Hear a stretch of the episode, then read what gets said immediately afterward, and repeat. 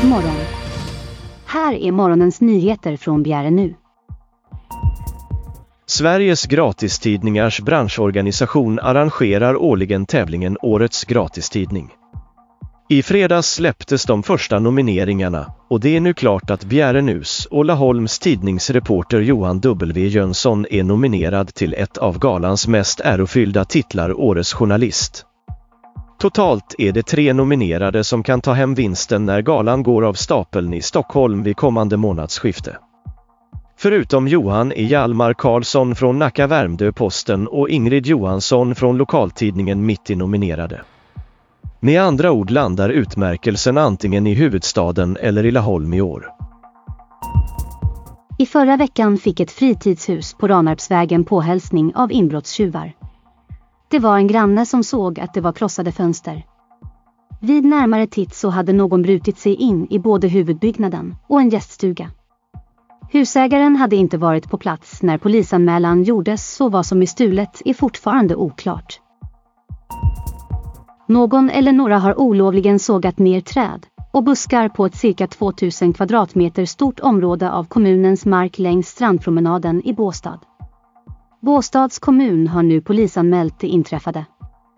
Den olagliga avverkningen upptäcktes när kommunens egen personal var på väg ut för att ta ner en del sly och buskar längs strandpromenaden.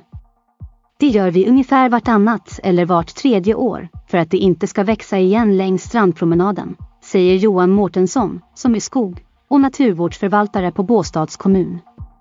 Strax efter Forsbergs väg upptäckte de något som gjorde Johan Mårtensson rejält upprörd. Kommunen äger en bit mark här och just på den här platsen har flera stora bokar dött för inte så länge sedan. Nu hade vi nya träd på gång upp, bland annat bokar som självsått sig och skulle ha fått växa upp och stå här i många år, säger han.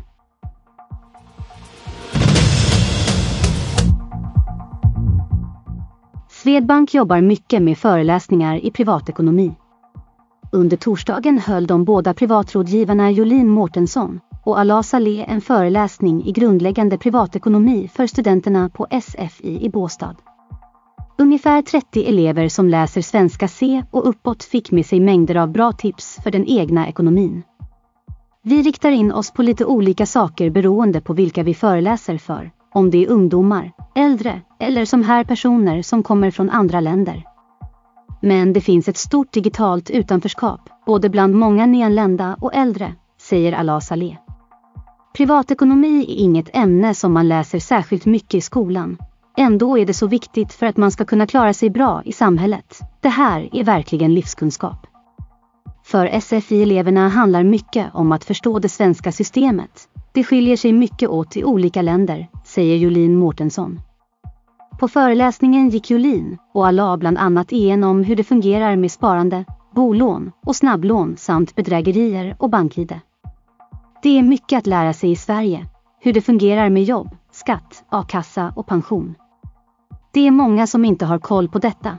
Även svenskar som är födda här vet inte alltid hur det fungerar. Hade jag inte jobbat på banken hade jag kanske inte heller haft koll på allt, säger Allah.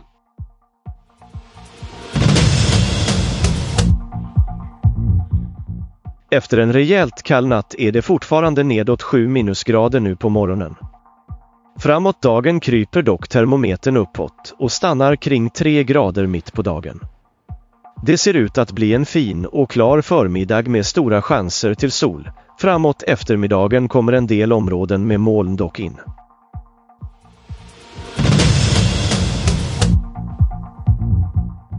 Det var allt vi hade att bjuda på idag.